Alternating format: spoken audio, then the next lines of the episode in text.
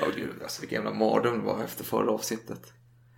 Ja, Ja, men men när jag- vi insåg att vi hade missat en 45 minuter. och- Nej, nej, men jag somnade på den jävla bussen och vaknade i ett SL-garage. Men skitsamma. trevligt garage. Ja, det fan. Ja, men nu kör vi Du där. Ja, jo. Mitt konunganamn skall vara Karl den sextonde Gustav. We shall never surrender.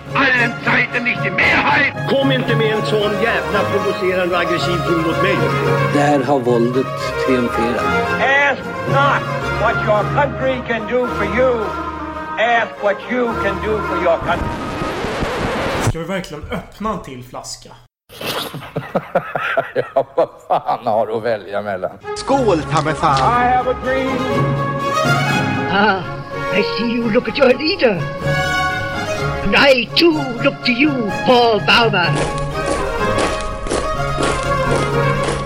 It's one small step for man, one giant leap for mankind. ja, men då så. Välkomna till ett nytt avsnitt utav Salongsberusad historia. Och ett nytt inspelningsår. Ja, det är det. Nu är vi på rätt sida året här och oavsett om du lyssnar på grund utav egen vilja eller om du vänskapligt tvång som tvingar dig att lyssna på detta. Jag tänker på ett visst höstlöv. Så är ni varmt välkomna att öppna en flaska vin och... Ja, förhoppningsvis en lika bra flaska som den vi dricker. Ja, vad dricker vi för något då? Ja, Chateau. Lanette. Äh, nu råkar jag prata när du sa det. Säg till. Chateau Lanette. Ja. Chateau Neuf du Pape. En 2013. Och det är trevligt att vara tillbaka här i Sundbyberg. Och mörkret har fallit återigen. Och eh, vilken fin ljusstake du har här. Mm. väldigt trevligt. Fantastisk julklapp. Eh, Till podden tror jag. Kanske inte till mig personligen. Jo, det var till dig personligen. Det var till mig, ja. ja, Okej. Ja. Mm, nej, jag, det- jag tackar också för julklappen jag fick utav dig också. Den var väldigt fin. Ja, just det. Den som du fick hämta idag. Eller? Nej? Jag fick ingen julklapp. Jaha, ja, men du fick ju... Jo, men nu fick du ju en klapp här från Kanarieöarna. Ja, det har varit bortrest hela kittet här. Men jag har suttit och kämpat här för att få ut alla avsnitt i tid. Ja, ja, men eh, vad ska vi prata om idag då? Vi lovade att vi skulle dansa in i det nya året här. Nej, Inte vi personligen va? Nej, Men, eh, nej, nej, nej. Vi låter andra dansa. Framförallt en fru Trofea som vi ska prata om. Hon startade en danssjuka, en danspest i Strasbourg år 1518 och det är det vi ska diskutera idag. Och, eh, men innan vi går in på det så ska vi väl ha en liten lek tror jag. Tyvärr. Det ska vi ha. Mm, då kör vi!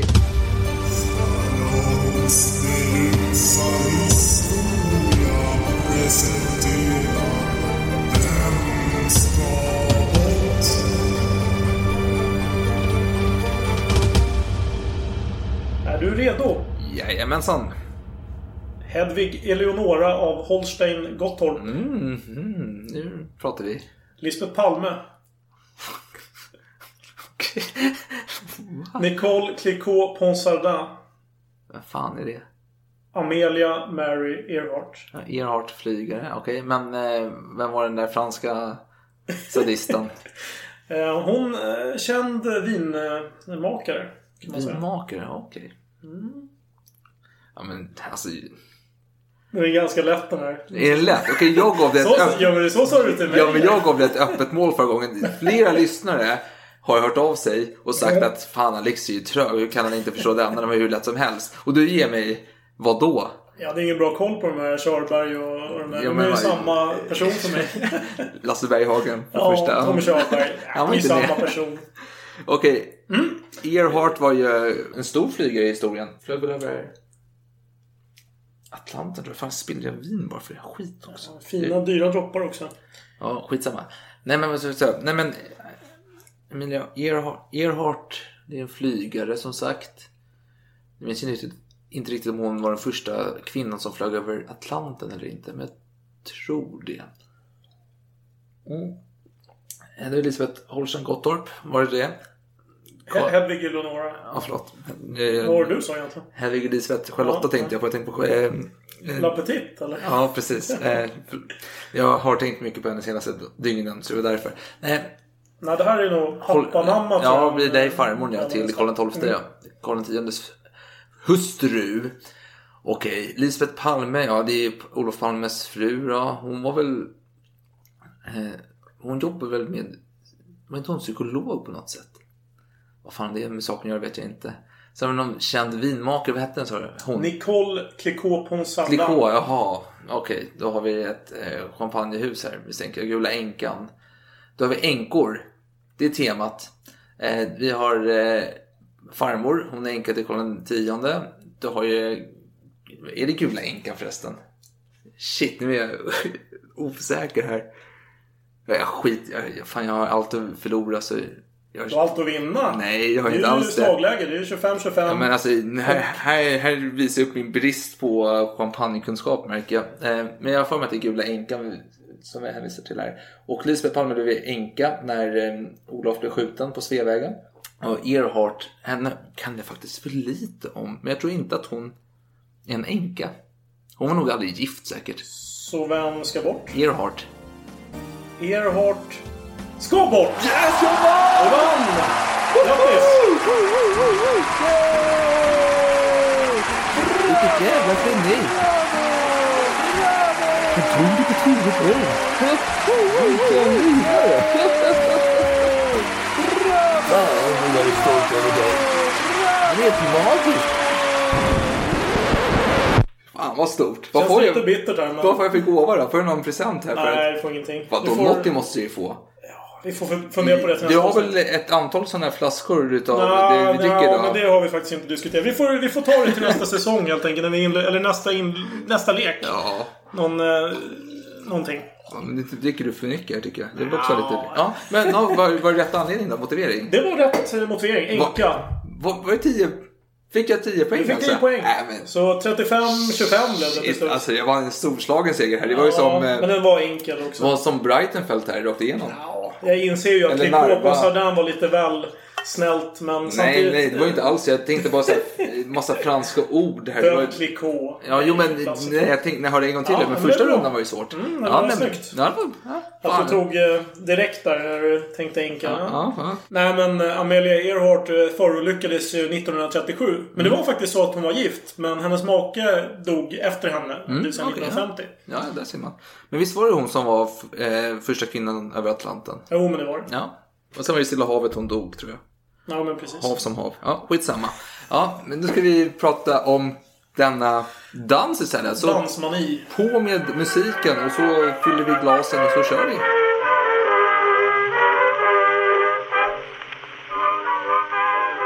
Ja då, nu ska vi prata om en dansepidemi då. Hände för länge sedan. Länge sedan, 1518 skedde den. Och det är inte den första dansepidemin, eller pest som man kanske kan kalla det för, i historien. Vi har ju dels den första som man vet om, som eventuellt skedde. Det var i den saxiska staden Kölbik runt 1017. Ja. Då några lirare dansade runt en kyrkogård. Och det här är lite, jag tycker det är så kul. här, För då kommer prästen bli riktigt förbannad. Och gör man då när man är förbannad på någon som sitter och dansar? Jo, man lägger en förbannelse över dem. Ni får dansa ett jävla år till här liksom. Just det, för vidskeplighet det var ju väldigt vanligt fram till Luther började Ja, reformera. ja, precis. Och sen har vi 1188. Mm, en Wales krönika. Ja. Det var någon eh, religiös ceremoni i Sant Almedas kyrka i södra Wales. Mm. Det var ett dussintal människor som dansade och sjöng på en kyrkogård återigen då. Tills de ramlade på marken. Ja, precis. Och det jag får med att man nämnde att det var i trans där också. Vi kanske kommer återkomma till det senare. Sen har vi också i 1247 i Erfurt, om man vet var det ligger någonstans. Det är ungefär i mitten i Tyskland, lite ner mot eh, Tjeckienhållet. Under D, om man går in på Google Maps och söker på Tyskland. Så under D i Tyskland, där Det gör man du... ofta. Ja, det gör man ofta. Och där var i alla fall, det är känt för att det var över 100 barn som dansade helt plötsligt. Mm. Man eh, dansade ut ur staden, ända väg till nästa stad. Där Mm. dansade man och där dog man några stycken. De kollapsade utav utmattning. Men föräldrarna fick gå dit och hämta hem sina barn då. Och sen har vi också i 1278 i Maastricht, Maastricht Maastricht. i Nederländerna då, där 200 personer dansade på en bro över floden eh, Moselle. Vad säger man på franska? Mosel. Mosel, ja, nej, jag vet Mosel. inte vad man säger på franska, men Eh, Mosel säger Mosel säger man då. man. Moselviner tror jag. Ja precis, jag tänkte Moselle, jag tänkte det var något franskt. Nej, Eh, nej, du, du vet nej. inte hur man säger det på franska? Nej, Dåligt från en fransman inte vet hur man säger det på Men det- franska. ja. Ja, skitsamma. Det- Men de dansade på bron och bron var inte ett, det var ett fuskbygge kan man säga. För den eh, Kollapsade. kollapsade och alla drunknade då i floden. Eh, och sen har vi 1347. Där är det... 74. Är det ändå. 1374. Är du säker? Inte helt säker. Jag ska...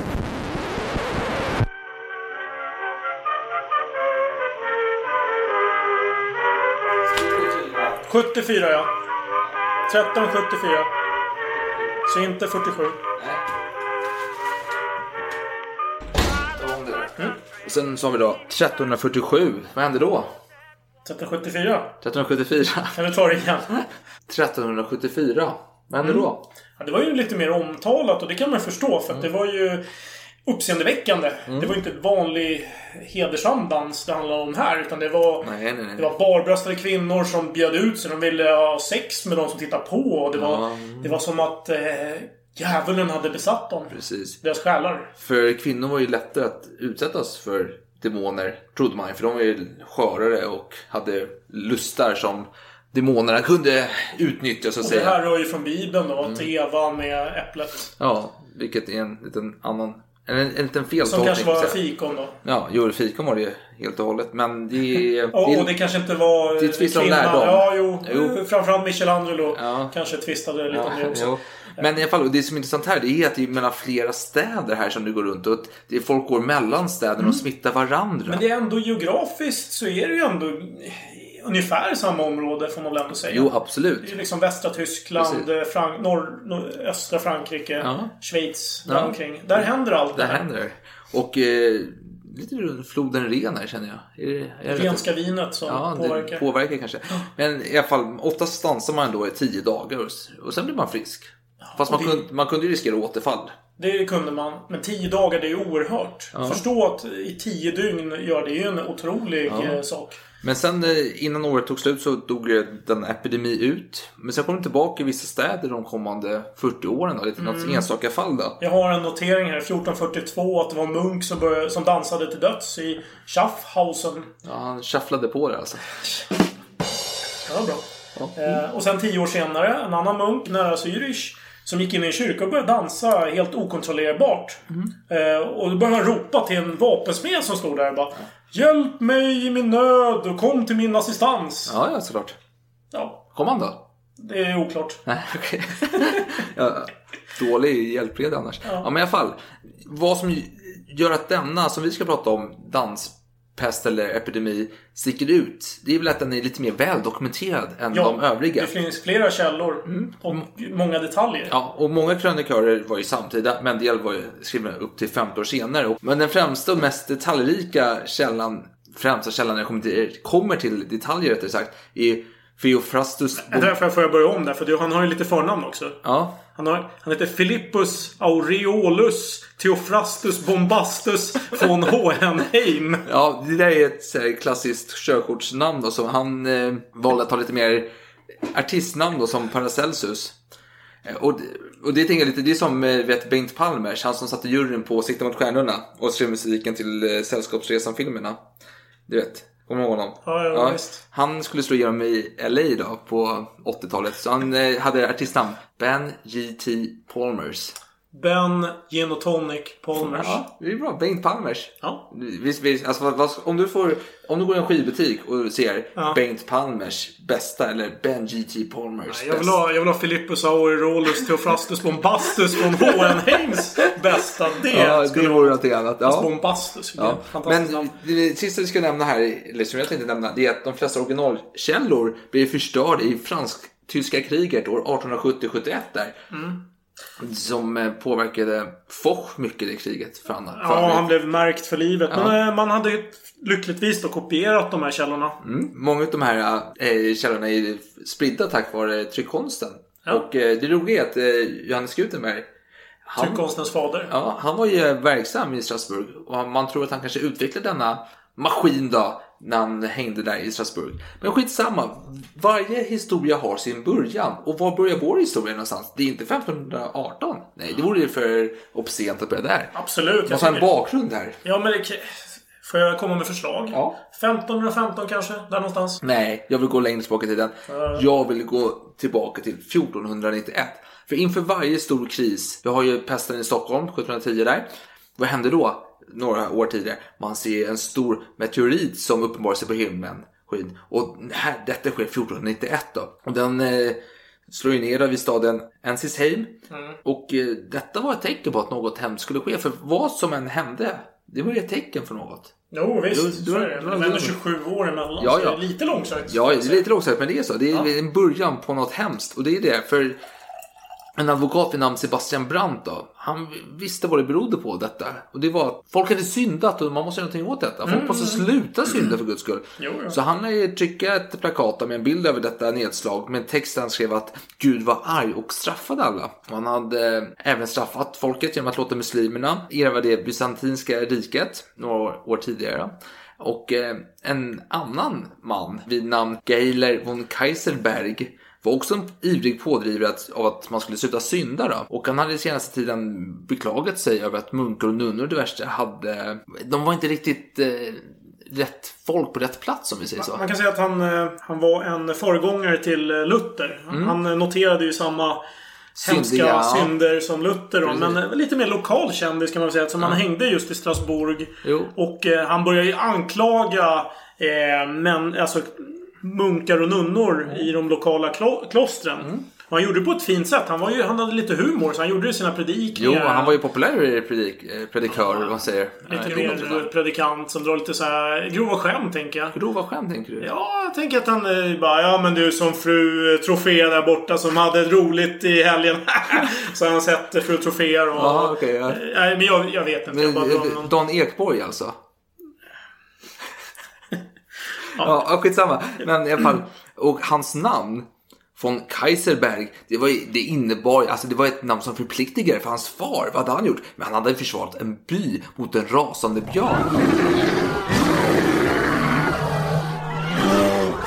Och hade i och för sig dött då.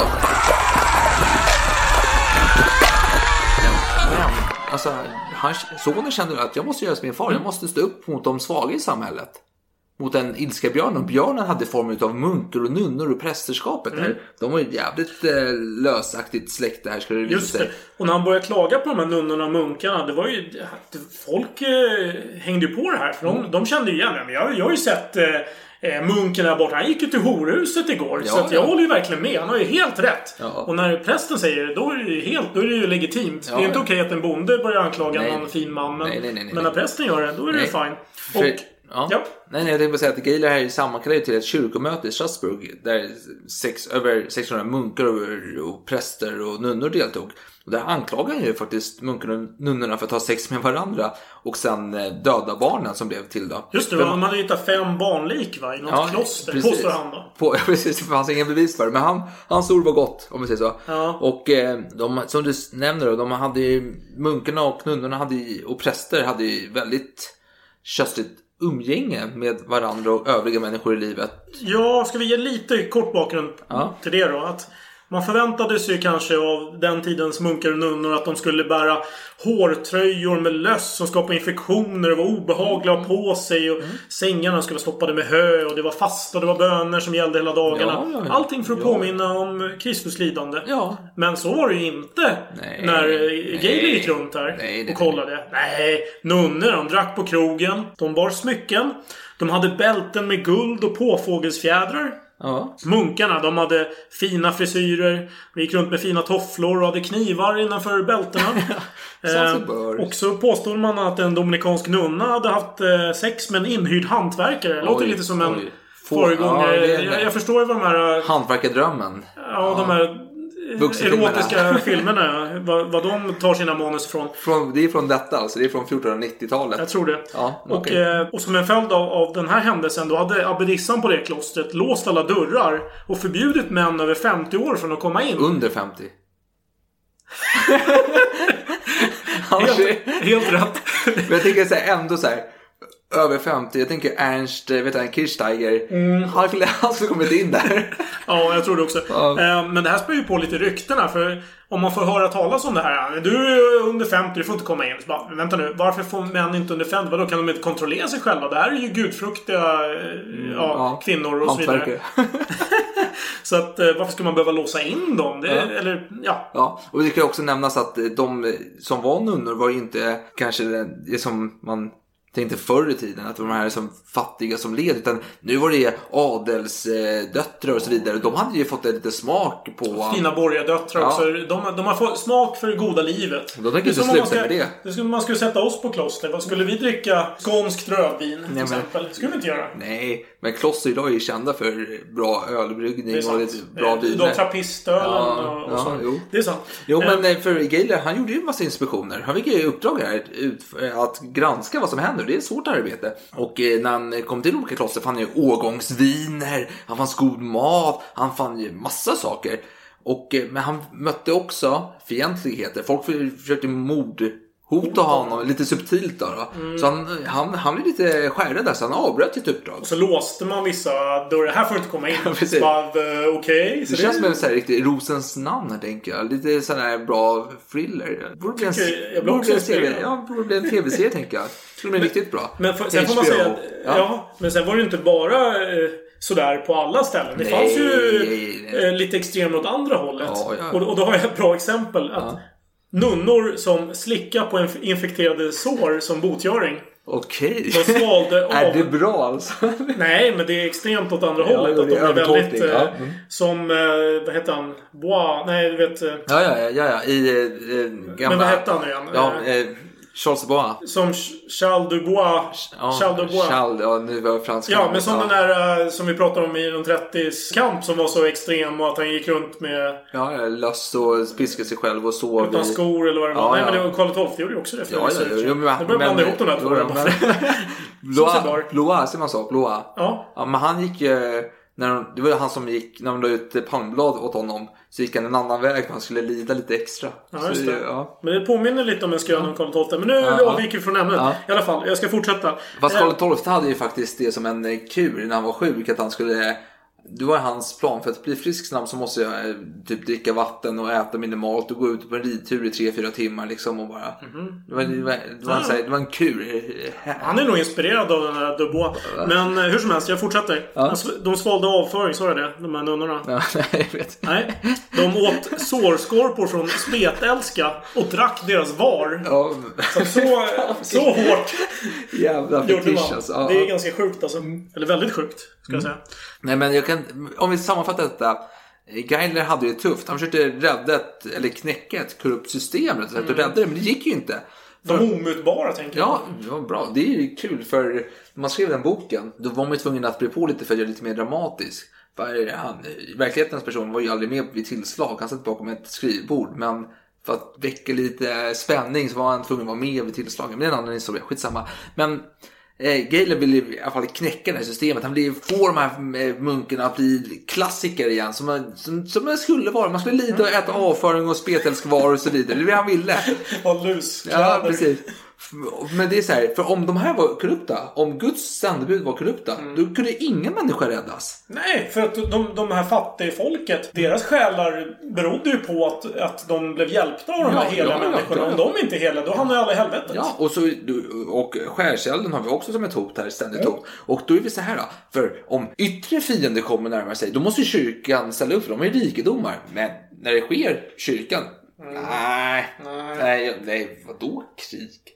Då ska vi, vi har ju bara två ton med, Ja. med spannmål här. Vad ska Nej, vi offra? precis. Nej, det är ju en risk att vi svälter om fem år om det fortsätter så här med de dåliga skördarna. Och- för, för det var det ju. Ja, och 1490 och framåt så var det väldigt många dåliga skördar och folket, bönderna främst, de led ju hårt och de fick köpa massa Ja, och det värsta av allt. utav klostren. Då. Jag tycker det värsta av allt är att de här klostren spekulerade. Så de eh, bunkrade på sig enorma mängder och var väldigt snåla så, så länge som det var låga marknadspriser Ja. för spannmål. Och sen när det blev väldigt högt, då, då passade de på att sälja av lite. så Ja, ja, ja, passa på att tjäna en slant på det Så det hela. slutade ju med att de här klostren var ju superrika medan Ja, vi hade ja. extremt fattiga Och människor. inte nog med detta. Folk var tvungna att betala en skatt som höjdes också till kyrkan och klostren. Och om man missade en betalning, vad hände då? Jo, det blev utesluten ur gemenskapen. Det blev ju fördömd. Och detta, vi kan, ju- vi kan ju skratta åt det. Mm. Men då, Ja, då, då var det kört. Det är som att du försöker logga in på Facebook och du är, så här, du är utesluten. Det var ju som att du blev en bödel. ja, precis. Ja. Fan, du har ju mycket bättre liknelse än vad jag har idag. Så jag känner, du, jag drar, poddspecifika jag, jag drar ju till så här nutids. Jag tänker alla de här influencers som sitter på Instagram och försöker bli tjej, de är Instagram. Okej, jag, jag reviderar min liknelse. Som om du försöker logga in på Instagram. Ja. Du kommer inte in. Du är utesluten. Ja, det är illa för vissa. Ja, men men, här, eh, men- vart är vi någonstans? Ja, vi är kring... Eh, 1490-talets smitt här. För det är så här att, jag vill bara lägga till lite sak på denna tragedi då. För Ja. böndernas grisar, de fick inte gå och beta på allmänna platser längre som innan. Man fick inte fiska i floderna längre. Nej, och eh, man fick inte ta virke eller bär eller ekollon från skogen. Ingenting fick du göra längre. Och då kom det en text fram som kallades för Sigismunds reformation. Som handlar om en simpel präst då, som samlade de fattiga och förtryckta och förde en kamp mot eh, förtryckarna. tänker helt på. Bondshow. Ja, precis. Och det är lite som, alltså, jag tänker mig som en Måns Lurifax mot danskarna. Eh, eh, fast 222 år innan det hände då liksom. För nu ska man, Bundsho som du säger, det är, alltså, det är en rörelse som kallas för det och den sker i flera etapper i olika år. Det börjar innan men nu är det första gången man har en gemensam flagg då. Och det kommer komma lite senare också med en, en relativt känd huvudaktör då. Ja, men jag har läst om flera sådana händelser just med den här Bondshow-rörelsen. Mm. Men varje sånt, eh, vad ska man säga, revolution, eller jag ska inte ja. kalla det revolution. Eh, Uppror. Varje sånt uppror slutar alltid på samma sätt. Ja. Det är att någon förråder det här upproret och så blir alla hängda. Så det är så jävla dåligt organiserat. Ja. ingen som lär sig någonting Nej, nej. någonsin. Så de är inte som Måns Lurifax. För Måns Lurifax, han spöade ju skit. Han spöade danskarna. Mm. Men dessa, de är... De är värdelösa. De Amatörer. bara, de bara snackar. De går runt i- på var- tavernan bara Hörru, jag ska nu göra ett uppror imorgon. Men säg ingenting till någon va? Gör inte det va? Ja, men det är faktiskt, jag har faktiskt en eh, släkting, jag vet inte om han är i min linje, men ja, släktnamnet, en förfäder då, som är med och kom, han försöker mörda Gustav Vasa då, genom att spränga honom när han sitter på sin tron då. Och eh, de blir, åker dit för att någon glappar lite för mycket på fyllan då, när de Jaha. gafflar lite där. Innan dynamiten är Ja, men men Vad fan skulle de spränga honom? Ja, men de skulle... Ja, han, han skulle bort. Krut var det här. Men i alla fall, men de förde i alla fall kamper, den här, denna folkliga Rörelse. Ja, Det var Tea Party fast på helt andra ändamål. Precis, och de, man förlorade hela tiden, varje gång helt enkelt. Och magistraten i Strasbourg, alltså de började tänka, vänta, det, vi förstår oro, vi förstår som händer. Vi måste se över våra, vår moral i staden. Det- Ja, vad gör man då? Jo, prostituerade, de får endast röra sig i en viss del av staden. Eh, De får inte vara ute och bjuda ut sig själva efter mörkret faller. För, då, för att minska risken att eh, förväxla dem mot ja, dåtid- kvinnor. Ja, i dåtida ögon då. Och, eh, Och till och med de som var moralens väktare i den här tiden. Mm. De tyckte ändå att prostituerade var okej att ha. Men Ja, bara ja. att de håller sig på sin kant. Precis, Liksom. men de prostituerade fick ju inte gå i klädda i päls eller smycken av för just risken att förväxlas med en adelsdotter eller något liknande.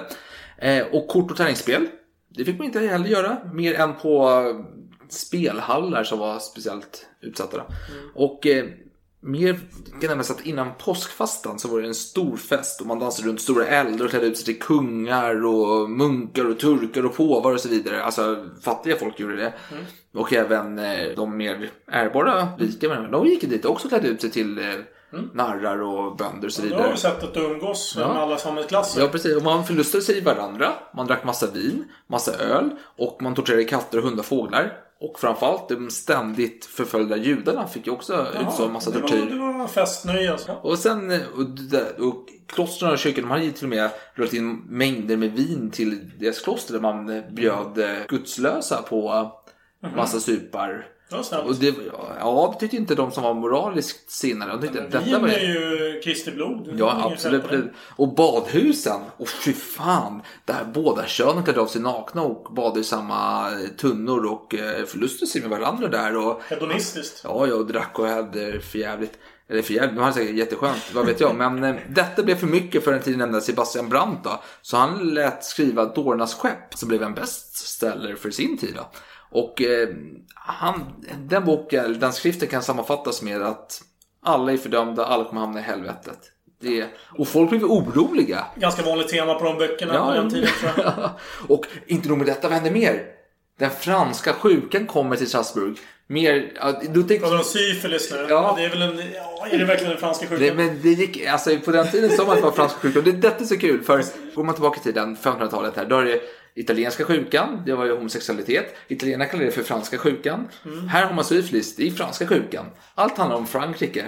Och, eh, och, det- men den kommer troligtvis från soldater som var iväg i Just det. Italien i krig Och och, hade träffat spanska De hade- soldater och kvinnor. För de, ja men precis. De sammanträffade de här två styrkorna och Ja. då hade de prostituerade i den spanska armén på något sätt fört över det till franska soldater. Ja, precis. det. Och det roliga med den här syfilis, det är att det- de, har, de. Roliga med syfilis. Ja, men jag, jag tycker det är Ja, kör, kör. Alltså man får vara lite morbid så lite kul, komisk eh, inslag ändå för ödets ironi är att de som blir drabbade av syfilis, det var en hemsk, hemsk sjukdom. Och de är så utstötta så att stadens mest utsatta människor, folk med spetälska, de vägrar inte vara i närheten av dem med syfilis. De tar åt igen som bödlar. Så, ja, så var, folk blev oroliga nu och de blev jätteoroliga och Brandt, Sebastian Brandt, han började skriva om missbildningar bland nyfödda djur, människor och djur och grisar med fem, sex ben och så vidare. Ah, det var hemskt. Folk var oroliga. Men vad händer? Framtiden, vad händer? Ingenting. För skörden vänder. Det blir fantastiska skördar. Men gud är glad igen. Folk är oroliga, men sen säger de, vad fan, nu växer min eh, rotfrukt här. Fan, jag, skit, jag kan synda vidare, jag kör på. Kan vi hoppa framåt lite? För jag känner att det har gått väldigt lång tid. Vi har inte ens kommit i närheten Men, av ämnet. nej, men snälla, jag kommer dit Ja, men jag har ju snart. 1515 vill jag börja. Ja men ta det lugnt, jag kommer till 500-talet, du behöver inte stressa. Ja, skynda dig nu för fan. Ett nytt århundrade, nu är det lite musik emellan, det är trevligt. Ja, men ett nytt århundrade, det betyder mer vrede Mer från... lidande. Ja, mer vrede från Gud här. Och missväxtstormen var ett faktum igen. Och Eiler han fortsatte predika och han fördömde alla präster som vanligt för att de inte brydde sig om de fattiga som svalt ihjäl. En ny brunch... Eh, Buncho. Buncho. Buncho, ja Buncho. precis. Ledd av Josef Fritz. Ja, då tänker jag på en annan. Josef Fri. Ja. det, det är svårt att inte tänka på det. Men eh, han hade ingenting med Josef, med en annan Fri, Fritz. Nej, men han hade kanske inte lika i garderoben. För det gick, men det gick, han fick nederlag på nederlag i alla fall. Och eh, präster återigen blandade sig med utlåningar fast de inte fick utav pengar. Och det gjorde att Geiler beklagade sig återigen. Då. Ja, Geile, och det har de pratat om tidigare. Ja, precis. Och Och han- du pratade lite om Brandt och lite andra. Ja, jo, men, jo, men Geiler... Ja, ja, men ja. Geiler är ju Luther Junior. Ja, precis. Och han sa i ett citat där då, att, eh, om prästerna att de när sig på det får som de ska beskydda. Och det stämmer ganska bra. Ja. Och Geiler han kämpar för denna sak. Man dog ju 1510. Man hade startat en rörelse ändå om saker. Och eh, nu har du hoppat fram fem år då, så får du prata om 1515. Jag vill ju mest nämna att, eh, att 15, från och med 1515 så börjar de dåliga skördarna. Alltså det var usla skördar flera år i rad. Egentligen tre år där fram till den här händelsen som vi Ja, snart kommer in Ja. på. Jo men alltså det var ju ändå från 1500-talet så var det dåliga skördar från och till. Två år dålig skörd, en bra. Just det, men nu är det alltså tre i rad och det, det här har lett till en ganska kaotisk situation just i, i Strasbourg. Ja. Det ledde ju till att eh, många i de här utkanterna och byarna och så vidare, de söker sig till staden för att få hjälp.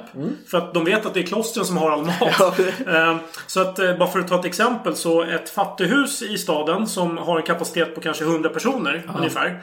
Eh, var belamrat då med 500 personer eh, när den här händelsen utspelar sig.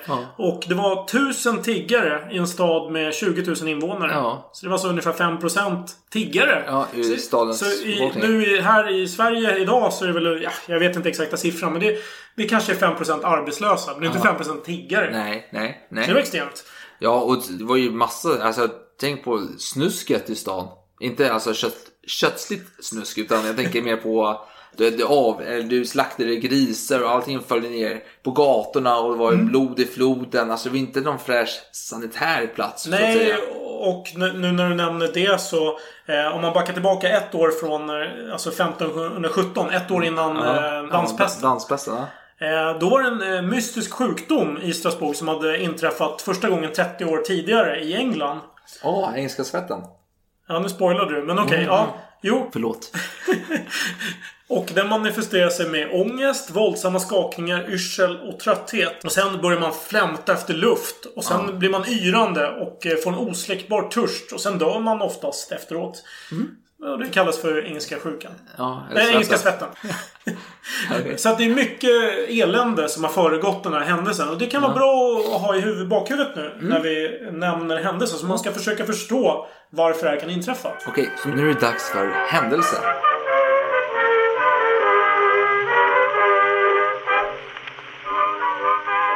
Så 271 år före franska revolutionen. Ja. Exakt 271 år. Mm. Då händer någonting. Fru Trofea börjar dansa. Precis, hon ställer sig på gatan. Hon går ut från sitt hus och börjar dansa till och med. Och det är ingen musik, ingen hör någonting. Hon bara står där och kör sin... eh, Hon shufflar på här liksom. Och Vad att, tänker folk? Hur, vad ska du tänka? Nej, men- Så bara, jaha, han håller på med det. Ja. jag vill bara nämna en sak. Att du vet vad hon ens heter är tack vare mannen med ditt favoritnamn där. Men Fritzl. nej, jag tänker det långa namnet. Men jag kör Ja, hans ja, ja. artistnamn. Bombastus. Bombastus. Men jag, Paracelsus, det är han som eh, skriver om henne. Att hon heter fru Trofea då. Och det är ju väldigt... Förlåt att jag avbryter men alla de här källorna. Jag har ju lyssnat lite på poddar, jag har läst böcker och allt möjligt. Och, och det är många amerikaner som har eh, pratat om den här händelsen. Mm. Och de benämner ju Frau Trofé som att Frau är förnamnet. Vilket är Ja, så här, okej, ja. Det får mig att skratta. Men... Nej men man Fru. pratar... Förnamn det är ju lite för vulgärt. Så Ja, vi, ja. fru Trofé. Fru Trofea. Och eh, timme efter timme dansar hon. Hon dansar på, dansar på, dansar på. Och när mörkret eh, föll, hon, då fortsatte hon. hon. Hon fortsatte dansa hela tiden. Och hennes man bara kom fram och bara, men snälla älskling, sluta dansa nu. Kom igen nu, skärp dig, vi går in och äter lite mat. Nej, hon skiter i det. Hon fortsätter dansa. Hon fortsätter dansa tills hon ramlade. Utav utmattning. Så hon sov ett tag. Och så vaknade hon upp, nya krafter, fortsätter dansa. Och eh, så hon på. Ja, och hur såg den här dansen ut? Eh, Mm. Det finns ju... Man kan ju få sig en föreställning av hur det ser ut i och med samtida Ja, avbildningar. av Rygal den äldre. Ja, och det handlar inte om twerkdans eller något sånt. Nej, nej, det, det vet vi med stor säkerhet i och med att man inte har anmärkt på att den var oanständig. Nej, inte just denna dans. Fram till 118 var inte oanständig. Nej, och Men- det var hon ensam som dansade, så det kan ju inte ha varit en ringdans heller. Nej. Så var det förmodligen hon kanske bara lyfte på fötterna lite och kanske möjligen jo, snurrade runt. Jo, men till slut, jo absolut. Men hon höll på i flera timmar så hennes fötter började till slut blöda och hålla på. Hon är på en tredje dag. Nu börjar folk samlas kring henne. Jag tänkte, vad fan är det som sker? Turistattraktioner. Ja, precis. Och man viskade som att kan det vara en demon som har besatt henne? Och det var en person som noterade att han hade sett en hednisk ond ande som eh, uppenbarade sig när hon dansade. Ja, som vi sa tidigare, kvinnor på den tiden var ju väldigt skörda och eh, känsliga mot demoner uppenbarligen. Men snart kände man uppfattning. Man ansåg istället att det var ett gudomligt straff. Inte något eh, djävulskt straff, utan det var ett gudomligt straff. Och det var den hämndlystne helgonet Sankt Vitus från Sicilien då. Som själv, när han hade levt då, hade blivit torterad och så vidare. Brutal tortyr och han hade blivit... Ett lejon hade attackerat honom. Han hade klarat sig det. Men tortyren fick han också utstå. Och sen dog han efteråt då. Och han blev bara ett helgon då. Och att man kallar det för Sankt Vitus dans. För det blev, fick ju namnet Sankt Vitus dans. Det är lite en, utav en gåta kan man säga. Man hade ju helgon för olika sjukdomar. De med 14 nödhjälparna då. Och till exempel Sankt Sebastian för pest. Sankt Blasius för halsinfektioner och så vidare. Och tidigare hette det Sankt Johannes sjukdom, denna danssjuka. Dels tack vare eh, en liten dansepidemi 1371 i en fransk håla. De insjukna hade bett Sankt Johannes om eh, hjälp. Och man hade sett hans huvud i en flod av blod och så vidare. Så här. Men eh, sen med tiden så kom det att ändras till Sankt Vitus. Och det är lite oklart varför som sagt. Kanske beror det på att många av de tidigare eh, dansepidemier hade utspelat sig i, i närheten utav Sankt Vitusdagen som var den 14, förlåt, som var den 15 juli. Och eh, till exempel 1237 där de här barnen började dansa. De hade börjat dansa på Sankt Vitusdagen. Andra händelser hade skett i närheten eller på kyrkogårdar. Jag börjar tänka så här. Ja. Att när man väl börjar notera att Trofea börjar dansa runt på stan. Då kanske det han blir den 15 juli. Så börjar folk kolla i sina helgonkalendrar. och bara, ja, men vad är det för dag idag? Och bara, Jaha, det är Sankt Vitus. Ja men då är det kanske... Ah, jag är inte säker än. Vi låter henne dansa ett tag till så får vi se. Ja men då, det var Sankt Vitus. Ja. Det var Sankt Vitus. Sankt Vitus. Men Sankt Vitus började nämnas i Schweiz i alla fall. Det är där man börjar ändra från eh, Sankt Johannes till Sankt Vitus. det var en del epidemier sedan tidigare i Jo, Schweiz. Det var ju precis. Schaffhausen och Ja, lite annat. precis. Och eh, Sankt Vitus användes också som ett skällsord på den här tiden. Det var så här att Fan, eh, nu ska jag skicka Sankt Vitus på dig. Helvete! Och man sa ju på ett aggressivt sätt. Man inte säga så här, åh nu ska jag skicka Sankt Vitus på dig. Det var ingen verkan, det var aggressivt. Man vill ha lite styrka bakom. Och om du fick den här förbannelsen över dig, vad hände då? Du fick feber, du började dansa. Du var helt förstörd. Och eh, Ja. ja, Verkligen eh, beordra ett helgon på någon annan. Det låter Ja, nästan det kan man göra, fan. Van helgande. ja. men han, han var ju ett hemlystet helgon och han hade fått eh, brutal tortyr hade Sankt Vitus fått utstå. Men i alla fall, och nu börjar man säga, det är Sankt Vitus sak. Så man band fast henne i, i en vagn den 20 juli och körde henne till en helgedom, Sankt Vitus kapell som låg ungefär Savern, det var en Ja, bit bort ja, ja, det var ju, jag tror det var 48 kilometer ifrån ungefär. Jag, jag, jag får se där, jag är inte riktigt säker. Men det var 30 engelska mi- miles i alla fall. Ja, Så men jag, tror- jag jag tror att det förstått, det var, det var ganska långt avstånd. ja. Och bra jobbat! Applåder! För det var magistraten i stan som hade beordrat Mm. detta. Grymt jobbat! Men vad händer? Jo, det är fler som börjar insjukna. Men inte nog med detta. För vår favorit, Paracelsus, han hävdar ju dock att hon, denna fru Trofea, hon hade bara börjat dansa för att förnedra sin man. Och det var att hon, hon, var, hon var en lömsk liten kvinna här. Men, men får, får jag utveckla varför det skulle vara en rimlig förklaring?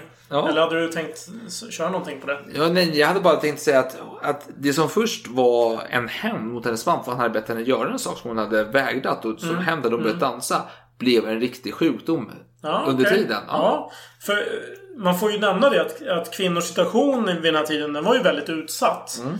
Att eh, när man var väldigt ung så blev man ju bortgift av sina föräldrar. Förmodligen till en äldre man som man, eh, ja, kanske fruktade eller hatade. Ja. Och eh, när man väl var gift, då förväntas man utstå all möjlig olycka utan att klaga. ja. Misshandel, sexuellt våld, tvingas till lydnad och samtidigt sköta hushållet eh, klanderfritt. Eh, Den enda rättigheten som man hade, det var att kunna kräva att få begravas separat från sin make. Så det var den lilla trösten man hade. Ja, det är tur det. Jag tänker på... Så, så herr Trofea, ja förlåt, du får köra din. Men jag bara Nej, jag- tänker, herr Trofea kommer med skamligt förslag. Ja. Eller en order eller vad det Ja. nu blir. Och Trofea bara, helvete nu går jag och dansar istället. Ja, nej, men jag tänker på... Det är hemskt att skratta, men jag tänker på Möllersvärd under Fersen. Han, Möllersvärd var ju gift med Axel von Fersen, den yngres syster, eh, dotter. Och hon var ju notorisk otrogen, hade flera andra. Och eh, han, de skulle besöka hennes mors grav i Pisa då. Och, eh, men hon blev så sjuk, eller han blev så sjuk under tiden och dog. Så han fick begravas med hans notoriska otrogna frus mammas grav då. Och han ville ju skilja sig men Fersen tyckte att det var lite öv- överdrivet. Men jag, tänker, jag får lite den vibben här liksom att Inte ens den rättigheten fick han, fick han alltså, den stackaren. han ville bli av med henne. Ja, Mm. i alla fall. Nej men så det var utsatt. eh, Och sen, sen ska vi inte säga för mycket om att det här var valfritt att börja dansa. För det, det behöver det inte alls ha varit. Nej, det kommer nej. vi komma in lite mer på. Men vi, vi kör vidare med händelsen här. Ja, jag vill bara nämna en till sak. För Paracelsus, han var ju att han eh, blameade henne då. Alltså han är ändå en kvinnohatare utav rang, även för den här tidens mått mätt om man säger så. Och några anser rättare sagt att detta beror på att, att han var en hermafrodit. Och, eh, och hatade kvinnor därefter och han vägrade visa sig naken överhuvudtaget eller klä av sig inför andra människor. Hade man inte obducerat honom och också funnit bevis för att det var så? Jo, om det var därför han hatade kvinnor låter vi vara osagt. Men det är en, visst. en, en hypotes i alla fall. Lika god som någon annan hypotes. Ja, och eh, de följande dagarna, alltså man tror att detta är över, men folk börjar dansa som ren mani. Och bara dagen efter där, Ja. 21 juli, då var det väl över 30 personer? Precis. Och Paracelsus återigen, han hävdar att de insjuknade, precis som Trofea, Mm. var illojala mot sina män. De använde samma trick som hon hade gjort. Då. Fast Paracelsus är ju långt senare. Man får ju tänka kanske in i rollen på det här, hos det här rådet. Det här eh, magistratet. Jo, jo. Som, ska vi prata om magistratet kanske? Ja, jag kommer till Ja, jag jag bara avsluta här. För han menar, eh, han menar då, Paracelsus, att de här kvinnorna, de ville dra skam över sina män då. Och alla hade gjort det som ett lite fake då. Men sen Ja. insjuknat i det- detta. De blev offer för Korea, Lascivia, eller Lascivia, fan vad säger? Shoria Lashiva. Korea, Lasciva. Ja, La, Korea Laskiva. Laskiva, ja, skitsamma vad det heter. Eh, och dagen efter gick, folk dansade på. Man såg till och med föt- benen på fötterna. Alltså de dansar ju rejält här. Ja. Barfota med skor på hur som helst. Och eh, fler och fler drabbades. Snart var över 100 personer drabbade. Och fler blev drabbade för varje dag. Det är upp till 400 personer var drabbade enligt vissa källor. När, när jag som värst ja. Ja, precis. Och bara en vecka efter fru Trofeas insjuknande skrev en krönikör. Det har varit en underlig epidemi här den senaste tiden som har drabbat människorna. Många har av galenskap börjat att dansa. Vilket jag har gjort dagar och nätter utan uppehåll tills de medvetslösa. Många har dött av det. Oj. Men ja, nu, jo. nu vill vi prata om rådet här. Ja, jag tycker det. Vi ska sätta oss in i rollen som Ja, men rådet. vilka är rådet? Okej, vi kan börja med det. De kallades de 21 råd. Ja. Men det var i början på 1500-talet så var det faktiskt fler än 21 personer. Mm. Det var 10 adelsmän, 22 borgare som har valts av sina gillen. För det var ju så det Mm. Ja, funkade. Och eh, sen hade du som Ammeister, det vill säga den eh, högsta hönset då. Andreas Drachenfels. Så 33 personer, ska vi säga. Det kan vi säga. Ja. Och de, har ju, de måste ju dryfta det här för det här är ju den största händelsen i deras stad. Ja, de hade skickat iväg fru Trofea då först till eh, den här Sankt Vitus. Mm. Det var ett enskilt fall som de kände till. Ja. Men nu när det börjar bli en epidemi, då måste de ju försöka lösa det här. Vem, Ja. vad- beror det på först och främst? Ja. Vem ska man konsultera Ja. om det här? Hade det varit kanske för hundra år sedan, då hade man ju gått till prästerna och frågat. Ja, en präst kan ju allting. Ja, men nu är ju läkarna... Nu finns det ju Ja. läkarskrå. Och Ja. läkarskrå, de, de är ju nästan som präster. Lite grann. Ja, men alltså de har ju sin gamla grekiska... Ja, sina syn. grekiska kunskaper där från eh, de antika Lärda. lärda. Och sen, eh, men de eh, kunde ju skylla på Gud ibland och sådär. Det var lite fritt. Ehm, nej, men, nej men de hade ju dels den grekiska antika kunskapen. Ja. Sen hade de astrologiska ja. metoder. Och sen hade de ju Gud då. Ifall allting annat sket sig, då var det ju Gud, Men det är så idiotsäker Ja, attityd. det Alltså, det vad som än händer, det är så här. Ja, men då är det det. Det är Eller så är det. det det. Det är bara... Eller så är det Gud. Ja, men alltså det är så här. Går det bra, men det är tack vare Gud. Går det dåligt, det är Mm. tack vare Gud. Ni har ju syndat. Man hittar ju alltid exempel på... Ja, det är ju fantastiskt. Bra Eh, kört. Så frågan var då om det är en spirituell eh, sjukdom, är det Satan eller Gud som ligger bakom? Mm. Men eh, innan vi ger oss in på den eh, frågan så kanske vi ska konsultera stjärnhimlen. Ja, ja, vad säger Bara för att kontrollera. Jo, men det är ju ändå så att Jungfrun är ju motsatt Medusas huvud. Jaha, okej. Medan Mars och Stenbocken var stigande. Ja, ja. Så jag givetvis är en tragedi nära förestående. Ja. Men eh, jag tycker vi börjar med de fysiska. Det, det här är ju säkert inte Gud. Eller vi vet inte än. Vi Nej. kanske ska... Det, det är ju en obalans i vätskor, det vet ju alla. För det är ju de antika grekiska Ja. lärarna där. Som, Jo, man kommer ju fram till att det är, är överhettat blod. Mm. Vad gör man då? Men det, åh, det låter, det är lite avsvalkande diet närmsta tiden. Gör man det här?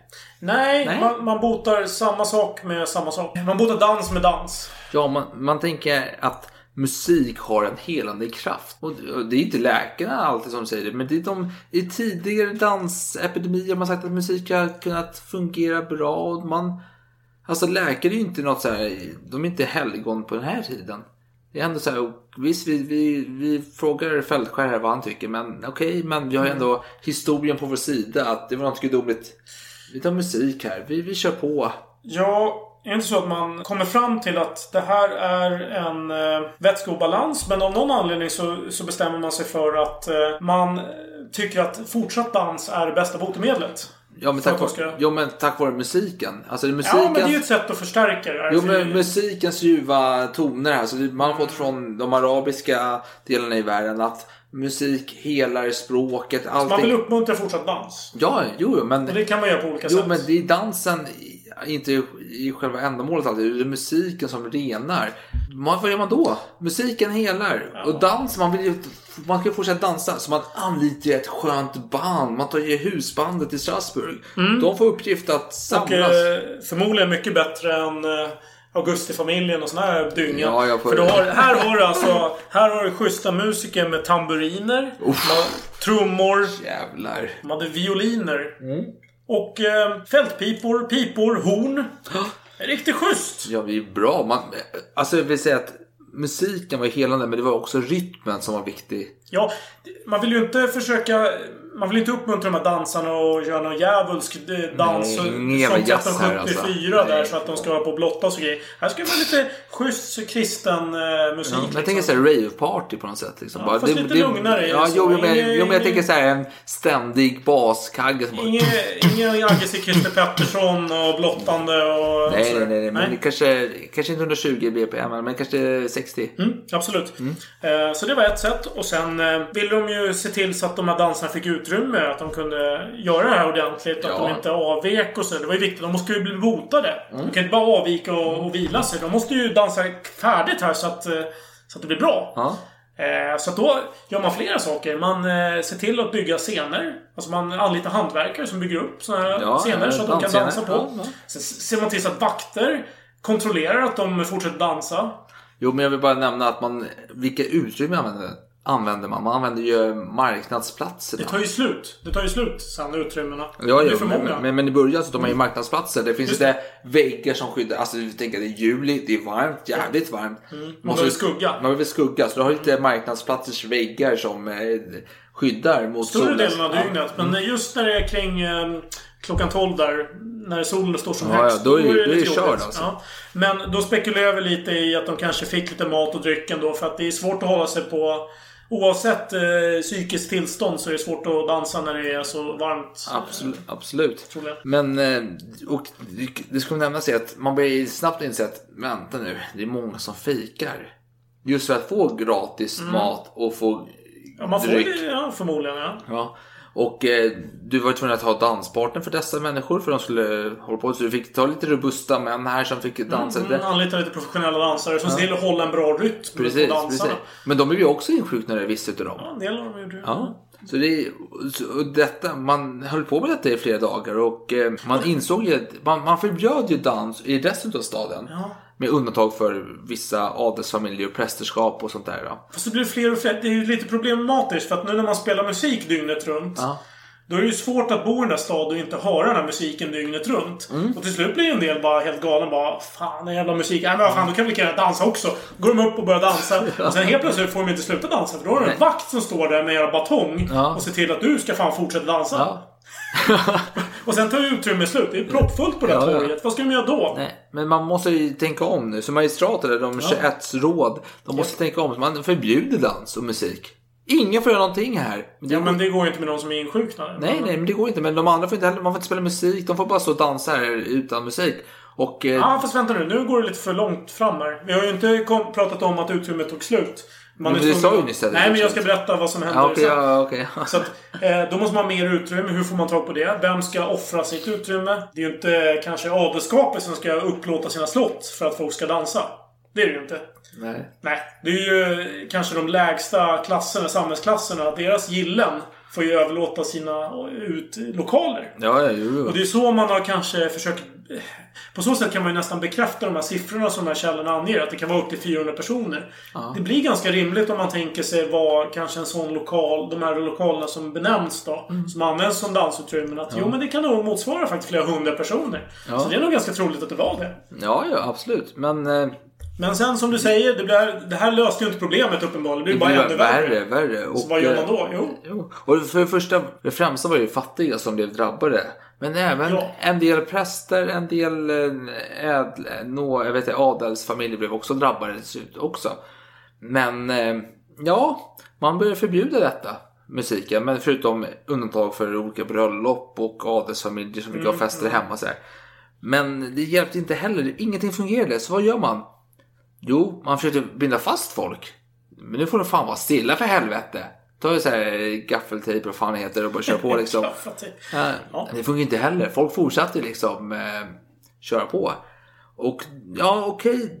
Detta, man, vi behöver ett gudomligt ingripande. För man har ju kommit fram till att detta var inget gudomligt eh, ingripande. Detta var ju en naturlig sjukdom. För första teorin med Det överhettad var blod- första ja, men Ja. nu när det inte hjälper Nej. med det här med överhettad Nej. blodlösningen. eh, Vad fan? Det, det var ju ändå gudomligt. Ja, så gör man. Man beställer ett vaxmonument på Sankt Vitus. Ja, för nu, nu är Sankt Vitus, nu har man identifierat Ja, det. Nu har man ja. kommit fram till att man kan bläddra i kalendern. Det måste vara han, Ja, eh, ja, ja. Sankt Det, det är samma. Det, det infaller ju dag, alltså hon dansar dagen innan Sankt Vitusdagen. Så det är klart att det är... Så man gjuter ju typ bär är den största ljus typ för Sankt Vitus som jag förstått det. Som man sen fraktar till det här äh, helgedomen i... Ja, inte riktigt. Det alltså, det är lite, man hamnar ju i frågan. Vad ska vi göra med denna sak? För det måste ju installeras, måste fraktas, det måste ju... Nu pratar vi om någon slags vax... eh, Ja, ja, på 50 kilo. Den där saken. Monumenten skulle hamna i Notre Dame istället. Vi måste ta ett beslut. Och man tänker så här. Okej, vi kan vela om detta hur länge som helst. Ja, eh, men då blir Gud, Gud arg. Han blir arg. Vi måste ta ett beslut. Vad gör vi? Vi gör det snabbt. Vi, Vi smälter ner skiten och gör en ljus, eh, ett ljus utav det hela istället. Ja, enormt ljus. Och det ska Ja. till Sant Vituskapellet Sankt? Vituskapellet. Och det ligger i. Saverne. Och det var ju samma ställe som eh, fru Trofea då Precis. skeppades förut. Precis. Och det är så här att eh, Sant Vituskapellet håller på att man försöker, tack vare detta, försöker man bygga ut och uppdatera själva kapellet. Och man vet inte riktigt, det är därför man inte kan frakta själva monumentet dit. För det är inte klart än hur man ska göra. Nej, men magistratet kom ju fram. Vi sponsrar en resa för alla sjuka till Sankt Vituskapellet. Eller ja, för vissa de sjuka i alla fall. Och eh, Men det var ju inte första klassresa för de här sjuka. nej, de band sig fast och fick åka på en vagn. Vissa. Om man tänker typ Auschwitz. Ja, det är väl lite ett överkant skulle jag säga. Jag tänker mer på, jag vet inte vad jag tänker på. Men jag tänker på att du får sitta på vagnar, du blir fastbunden, hamnar på en vagn. Har du otur så får du ju gå. Då får du ha två ledsagare som håller i dig medan du går. För du, du rör ju dig hela tiden. och Ja, du försöker dansa liksom. Ja. Precis, och det är ändå eh, 30 miles, det är ungefär vad- vad, 48 kilometer och sånt där. Det är långt. Ja, och vid Vitusberget, där måste ju hoppa av vagnen eller och dras upp för berget en bit tills du kommer till själva kapellet. Och eh, vid kapellet finns ju en helig grotta också. Men först kommer man in i kapellet och där är med ljus och en stor träskulptur eller verk, vad man vill kalla det för, från eh, 1400-talet. Eh, som hyllade Sankt Vitus och Maria och eh, en tjock påve av Marcellus den första då. Eh, som eh, också, precis som Vitus, har dött eh, till följd av den romerska kejsaren Diocletianus. Hans förföljelse då på 300-talet. Eh, och alla drabbade, vad fick de? En röd sko. Ja men det var ju... Nej, men, förutom den här röda skon, det var ju jättemycket uppmärksamhet de fick. Det var ju Ja, det var ju religiösa ceremonier, det var mässande och det var jättemycket Jo, fast, fast, fast hoppar över det viktiga, för röda skon är symboliskt Ja, ja, ja. värde. Jo, jo. En röd sko. Jag tänker på Schindler's list här. Det är russinen i kakan. Men Ja, okej, men, kör. jo, men Schindler's list, du har ju den här svartvita filmen och så är det den röda jackan på den lilla flickan. Mm. Men skitsamma. Jo, men den röda färgen har ju en, viktig symbol. Först är det dyrt att framkalla röd, Ja, röd färg. gud det är ja. det dyraste Det var som en finns. lyx att få Ja, rött i sina tavlor och sådär. Och Ja, var... ja. Så varför röda skor? Att man tar skor till de som har danssjuka är logiskt. Men varför just röda skor? Och det är lite oklart. Men eh, flera epidemier innan så hade de drabbade haft svårt för den röda färgen. De blev vansinniga. De försöker döda de som har den färgen. Det är som tjurar. Ja, de sliter sönder allting som är rött. Så rött var ju väldigt förknippat med den danssjuka. Men framför allt så hade ju Sankt Vitus på, en, på några avbildningar knähöga stövlar som var röda. Mhm. Så det kanske är en logisk förklaring. Det var en dyrbar insats ändå Ja. att magistratet kostade på sig att köpa de här röda skorna. Absolut. Men eh, det var det verkligen. Det hjälpte ju. Ja, men det, det, kanske, det kanske visar hur allvarligt man såg på denna epidemi. Hur, vad man trodde på det. Jo. Men efter denna mässa man höll, av prästerna höll för dessa sjuka så blev man ledsagad in i grottan då, den heliga grottan. Och i ett altare där man fick gå runt i cirklar för det blev ut demoner och allt. Det var, det var helande. Och samtidigt som de prästerna var välvalda ord då, och som var tvungna såklart, för det var en kristen kyrka eller en katolsk kyrka, att ge några slantar för besväret. Just det, men då fick man pengar som man kunde ge pengar. Nej, nej. Jo, man gav några ören till fattighjon. Jo, jo, men nej, nej, nej, fast det, alltså de som... Hade du pengar skulle du ge pengar, Ja, skänka. jo, jo, jo, men visst. var du fattig så fick den som ledsagade dig betala åt dig istället. Exakt. Ja. Exakt. Och sen hade man lite så här ångestmässa efter det och man skulle beklaga sina synder. Och sen fick man Mm. rekommendationen att ge en till slant för att dela ut till de fattiga i området. Mm. Ja, så gick det till. Det är klassisk katol, Ja, katolsk ja, eh, sed liksom. Ja. Och sen så blev man ledd därifrån och efter Mm. några veckor, alltså Nej men det här hjälpte ju, det får man ju säga. Den större delen av de som eh, genomgick det här Mm. hjälpte det. Jo, det kanske inte var dag ett eller samma stund de Ja, det vågar inte jag säga någonting men om, för det finns inga källor Nej, men det här. gick en Men tid ändå. Alltså, vissa blev befriade närmsta veckorna. De flesta var ju friska från detta. Ja, men då är vi egentligen... Eller har du någonting mer att säga om händelsen? Nej, detta var händelsen. Och vad som händer sen är ju att detta är egentligen den sista stora dansepidemin som sker. Nej, ja. För sen så kommer ju... eh, Vi kommer ju in till orsak och verkan här kanske man kan Ja. kalla det för. Men vi säger så här. Martin Luther kommer. Man får en helt annan syn på helgedom och eh, helgon. Men vi kanske ska... Kulturen förändras helt enkelt. Man, man anser att det här mer är vidskeplighet. Och jag har ett exempel på det. Om man tänker sig att eh, 1758, långt senare då. Så var det en kardinal som hette Louis de Rohan. Vet du vad? Vet du vad? Förlåt att jag avbryter. Vi tar lite musik och så fyller vi på vinet och så tar vi Okej. orsak och verkan. Så gör vi.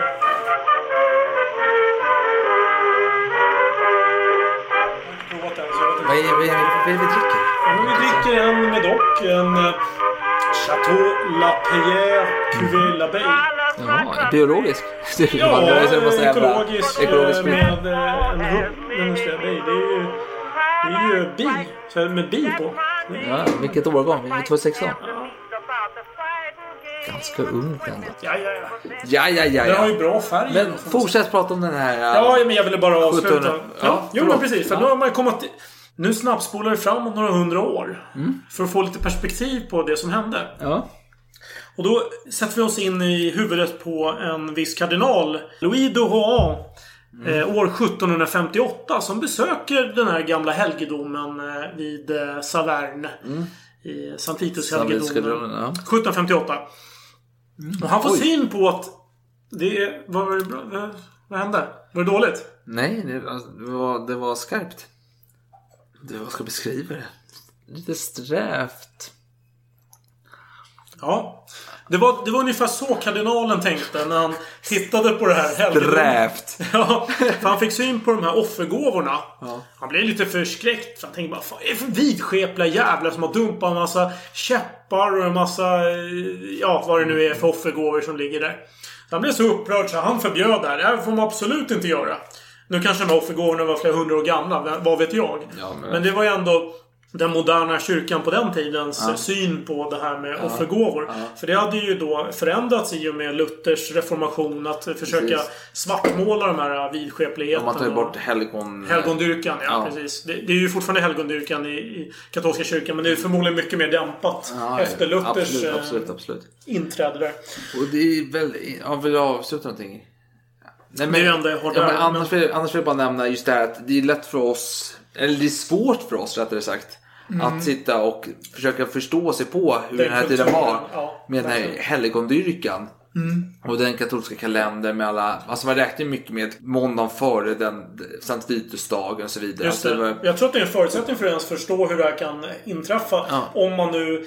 I alla fall min slutsats från, från allt det här är att det är psykisk eh, sjukdom. Eller vad man ska. Det, det, det finns psykiska förklaringar som är, kommer från den kulturen som Ja. fanns då. Svaret låg ju inom Gud. Mm. Var det en dålig skörd? Det var inte på grund av någon global uppvärmning eller så vidare. Utan det var ju på grund av att du hade syndat. Och så vidare, så vidare. Och det fanns ett helgon som du hade retat. Och så vidare. Ja, det var det jag hade att förhålla dig till. Ja, och om man tänker så faktamässigt då. Det här har inte inträffat igen, i alla fall inte i det området. Och eh, det råkar sammanfalla ungefär med när Luther gör inträde och Ja. reformationen och så vidare. Så att eh, kulturen i det här området har ju förändrats. Ja. Och sen dess har man inte sett den sjukdomen. Det tyder ju lite på att det ändå har med det att göra. Precis. Och sen har det också med att det inte varit samma mix, missväxt under den kommande tiden innan Luther kommer in i bilden och reformerar. Utan det har ju ändå ganska gynnsamma år därefter. Och eh, där du får äta okej och så här. För Mm. Vi kan komma ihåg att Alltså prästerna, munkarna, de åt ju ganska bra. De, hade, de klagade ju inte på svälten. Visst, Nej. de fick ju se andra lida, men de led ju inte själv. Adelsmännen såg ju andra lida, de led inte själv. De åt ju bra, de åt ju oxe och hela kittet och massa eh, vete och skit. Men de fattiga, de främsta utav offren här, de blev ju Det var drabbade. främst de det drabbade. Och, eh, och på den tiden så var det ju mer rimligt att folk skulle tokdansa på torget än det skulle vara nu. Det skulle liksom inte vara socialt. Det skulle inte finnas en bra social förklaring till att man gör det. Och vi har Nej. inte heller sett det i nutid. Nej. Så att det finns en psykologisk men förklaring tror jag. Men dock ska jag också nämnas att man hade förebyggande danser i vissa områden. Mot Mm. just man, ja nu Sankt Vitus-dans, nu står vi och dansar Just lite ja, ja. fram och tillbaka i några dagar. För, för att blidka helgonet Ja, så att han inte precis. ska Det få är- sjukdomen Ja. eh, drabba en själv. Men det försvinner ju allt eftersom Luther kommer in i bilden och Mm. reformationen tar sin plats. Och katolska kyrkan även drar ner lite på betoningen på helgon. Just och så det. vidare. Och det, det finns ju till exempel nutida läkare som sitter och hävdar att detta beror på en frontallobs epilepsi till exempel. Jag skulle säga omvandlingsstörning. är Ja. Den eh, diagnos jag kommer fram Ja. till är väl kanske det mest rimliga. Men jag tänker en epilepsi-fallet som man har sagt är eller fallande sjuka som det hette på den tiden. Det, det hade man ju stora erfarenheter av innan detta.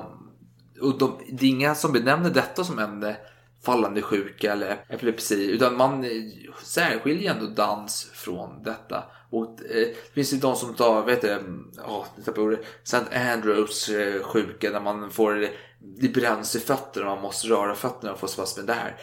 Och man skiljer detta från detta. Alltså det är, Men jag tror vi måste tydliggöra en sak. Alltså, det, utifrån vad jag har läst mig till så ser det här är absolut inte frivilligt från personen. Det är ingenting...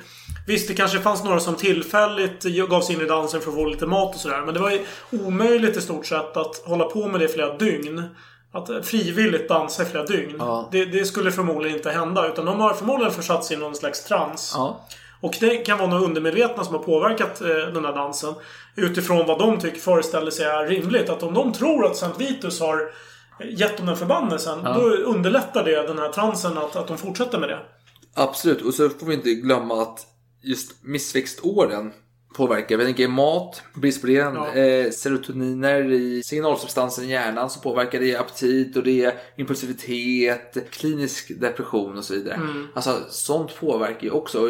Detta är alltså, man tar ju mycket för givet. Du tänker så här, men du är ändå, du, du är väl, du är relativt eh, snabblärd, du kan läsa saker snabbt, du är motiverad att göra saker. Och du tar det som en personlighets, en egenskap för din personlighet. Men helt plötsligt kan något ske i din hjärna och du får, men säg eh, dopaminer till exempel, ändras bildningen där. Och helt plötsligt försvinner din motivation, din glädje, din uppmärksamhet och så vidare. Det är lite skrämmande tycker jag själv.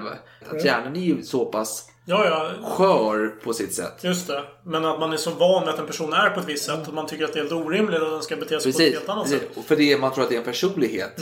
Som är en, alltså det är en fast grund. Men Just händer någonting med din hjärna och olika saker där så kan det bli en helt annan person. Mm. Eh, nej men på, på samma ämne då så har jag någonting från eh, 1643. Ja. Då var det en abbedissa, Ja, eh, tror ja. jag. Den eh, har du också läst om ja. Ja, den är skön. Eh, eh, över ett nunnekloster som hette Jeanne des Anges. Och det betyder ju Jeanne från Änglarna. Vilket är ett intressant namn. Men det är en helt annan historia. Mm. Jo. Mm. Hon eh, sägs då ha blivit kär i en präst. Fader Grandier. Det har man på namnet, det är sexigt. Alltså, Det här är en... det vill man eh, bita riktig- tag i. Hugga sina tänder i. Precis. Ja. Men han... Ja, han var förmodligen inte intresserad. För han, riktigt, han visste inte riktigt vem den där nunnan var. Han, han ignorerade henne, verkar som. Ehm, Ja, så hon, alltså, hon blev lite frustrerad va. Så hon flagellerade sig själv. Jag tror att det heter det på svenska. Ja, men det är piska- piska sig själv. Hon, hon slog sig själv och sådär. Och hon straffade sig för sina känslor. Hon, ville, hon kunde inte ha sådana känslor. Hon är ju abbedissa för guds skull. nej men vänta nu. Hon drömde sexuella drömmar om honom. Såklart. Hon drömde det är att, att, att han var ju välhängd och satte på henne här i hela kittet. Alltså, det Just det. Men, men de här, äh, ja. Ingenting hjälpte tyckte hon. Så hon hamnade i, till slut i trans. Hon började tala med förställd röst. Ja, det var han som hade eh, vet du, förhäxat henne. Ja, det var vad som sen sägs då. Men hon... Så hon lät som en djävul och hävdade att hon var besatt. Så att hon skulle vara besatt av den här prästen. Och, eh, ja, det kan man ju tycka vad man vill om. Men sen börjar det här smitta av sig på de andra nunnorna i det här klostret. Ja, ja, för det spreds ju sig. Alla började tala i tungor och... Ja, och sen hade den här prästen, jag vet inte varför, men han börjat skaffa sig mäktiga fiender då. Så det hela slutade väldigt olyckligt att han brändes på bål för det här. Och det är Ja. klart, jag menar, jag har jättemånga nunnor och en abbedissa som är besatt. Men jag, jag, jag tänker spontant att det är någon, älskare till den här eh, nunnan som bara så blir jävligt svartsjuk liksom. Så här. Du sitter och trån, du trånar efter honom och sitter så här, du försöker undvika mig och du trånar efter honom. Nej, nu jävlar, det är han som besatt dig. Så du menar att den här abbedissan har bekänt för honom att nej, men jag kan inte ha dig som älskare för jag är Nej, men- egentligen eh, kär i Men, men jag vet inte, jag, jag kan inte det- För det är en roll detaljerna. där du inte ens får ha ett kärleksliv. för Nej, nej, men, men de, har ju, Ja, ja. de har ju uppenbarligen det. Jo, eh, och så, så de, hon har ju säkert någon så här välgörare som sitter så här, Mm. betalar säkert bra för att vara hennes älskare Ja. och så här. Och hon känner så här, men glöden finns inte riktigt här. Och Det jag, kan vara så. Jag gillar denna sköna präst då, som sitter och predikar så. Han, han, Lukas evangeliet är hans bästa gren. Alltså han, han får mig så berörd. Han kör sin Barry White-röst när han eh, drar sina predikningar. Ja, precis. Och bara suckar. Ja, så, här, så fort han pratar kör man Michael Bolton i bakgrunden och hon bara åh fy fan. Och så blir hon prata i tungor och så Mm. hon tänker så här, jag vill bli av med min eh, man här som köper mina tjänster. Liksom, och jag, jag, han, han, han, vill ha, han vill ha, vet du det, eh, sexuellt umgänge med mig. Så jag börjar så här skrämma bort honom och tala i tungor liksom. Och så, Ja, ja. Och så, och så skäller han bara så här, vad fan jag sätter ut från efter denna präst på predikan liksom. Vet du den här skräckfilmen när de är väldigt känd? När de är besatt och håller på. Vad fan är Det det? gäller typ alla skräckfilmer. Nu måste vi vara mer specifik. det finns en klassiker. Vad fan heter den? Eh, Ja, men det är med sån här besatt röst. Går, Exorcisten. Ja, Exorcisten. Exorcisten, precis. Jag Va- tänker på den. Var det svårt att tänka fram den? Ja, tydligen var det. Vi- vi stryker det här, för det är Nej, kul, nej, nej, nej, nej, nej, nej. För det är kul med Exorcisten. För det finns ju en den där Exorcisten-sjuken. Det är som Bort med vinden. Om man kollar. Hur Mm. många dog under efter inspelningen av Bort med vinden? Bort med vinden var en stor film då. Det är många av skådespelarna som dör korta på under kriget. Det kan vara någon som, det är inte så att de har en militärrelaterad uppgift. Utan de flyger mellan olika länder, blir nedskjutna och så vidare. Och det är Exorcisten. Det är många som dör. Det är Exorcisten-sjukan här som drabbas. Drabbar eh, skådespelarna. Utom Max von då. Han verkar vara odödlig uppenbarligen. Ja, det är, det, det är skönt i alla fall. Ja, men det uppskattar vi. Skål för det. Ja, Men, Sjunde inseglet var någonting jag tänkte på också. Kring den här, den här sjuka dansen. Det är ju någonting som sätter sig i minnet när man har sett den filmen. Att det är, de avslutas ju med den här ringdansen. Ja, för- och det, det är ju lite jag tänker kanske när, de, när det börjar samlas människor Ja. i den här... eh, Är det verkligen så att alla dansar på samma sätt? Jag tror fan det blir säkert lite ringdans och lite ja, sköna men varianter. för Korea då. Eh, Mm. Korea. Kor- Korea. Ja, det kan inte nämnas- om man är italienare eller svensk eller vad man nu är för någonting. Du ska inte Man får ju uttala latin på det språk man behärskar. Ja, men det kan inte blandas ihop med eh, till exempel sjukdomen Huntingtons Korea. Som var, det är en annan sjukdom då, en neurologisk sjukdom som är hemsk. Mm. Eh, men Korea då, det är från grekiska, det är någon dans, ringdansvariant då. Ja. Så det finns det. Men jag har, när vi pratar om filmer, jag måste bara nämna. Jag har en rättelse från eh, föregående avsnitt. Det är hemskt. Jag tror att det är del 3 utav eh, Karl XII, alltså avsnitt 29 i fråga. Och det handlar om att jag nämner att Bodyguard-filmen är från 1993 tror jag att jag säger. Och det är ju fel. Den är ju uppenbarligen från 1992. Tror jag i alla fall. För det är så här att Oscarsgalan 93 då är den nominerad för bästa originallåt. David Foster och Linda Thompson som är nominerade. De var ju gifta på den tiden. Men de förlorade till Anna Menken och eh, Tim Rice i en helt ny värld från Aladdin. Ja. Och Tim Rice var ju Menkens nya... Ja, jag tror vi får avbryta av det. det. Det var ju... Tack för den informationen. Ja, ja, ja, Men eh, vi har en annan händelse som är lite nutida. Bara för att försöka förstå det här. Det har ju inte inträffat på 500 år. Eller Mm. vad det nu är. Jag tror att det har inträffat något liknande 501 eh, danssjuka. Men inte i det området. eh, Madagaskar tänker jag på? Nej, jag, jag har ett exempel från Tanzania faktiskt. Ja, okej, men du, ja. vill du, mitt ifrån 63. När är ditt från? 1963 alltså. Nej, alltså mitt är eh, bra mycket tidigare. Då kör 1800-tal. du ditt först. Nej, nej, nej. Alltså jag har ingenting att säga om det. Nej, okej, ja, men då kör Jag vi. vill bara säga att det är så att det, det var en... eh, Det är med just det här religiösa. Att Mm. det, det var någon eh, infödd en grupp här som höll på. Och så kom det kristna in i byn och skulle attackera. Så hade någon drottning dött. Så var det drottningens hem. Så började folk dansa tills de stupade. Mm. Ja, det var bara det. Men sen har du en del kulturer där det är rimligt att hålla på och hamna i trans. Är det inte så här voodoo och lite annat? Ja, Eh, så att, Rave-party. Rave-party, precis. Och, fan, jag hade ju något annat exempel där. Vad var det för något? Ja, jag får, jag får släppa det. Men eh, 1963 i alla fall. Då hände någon slags intressant epidemi. Det var en skratt och gråt-epidemi i en skola. Oj, den är tuff. Och det här drabbade alltså upp till 95 av 159 elever. Och det slutade med att man fick stänga den här skolan och skicka tillbaka eleverna hem till sina byar. Och då trodde man ju att man hade löst problemet. Men nej! Det här smittade av sig då på andra bybor. Och eh, varje eh, person som hade drabbats av den här, vad ska man säga, sjukdomen De skrattade eller grät i genomsnitt en vecka. Och då tog man blodprover och försökte förstå vad det här handlade Var det någon fysisk sjukdom eller någonting? Nej, det fanns ingenting som eh, tydde på det. Men om, man, om man försökte klassificera då vilka som drabbades av den här sjukdomen så var det inga vuxna som var eh, citattecken lärda eller relativt sofistikerade. Fast det skedde ju ändå i en skola så det vore lite suspekt om det fanns någon som Nu pratar jag om eh, byborna sen. Alltså alla som eh, drabbades. drabbades. Okej, okej, ja. Så, så ingen av dem som drabbades var relativt sofistikerad. Eh, ja, nu citerar jag då. Ehm, så att, det vill säga folk som kanske inte hade i sin kultur att tro på övernaturlighet. De verkade vara immuna mot det här.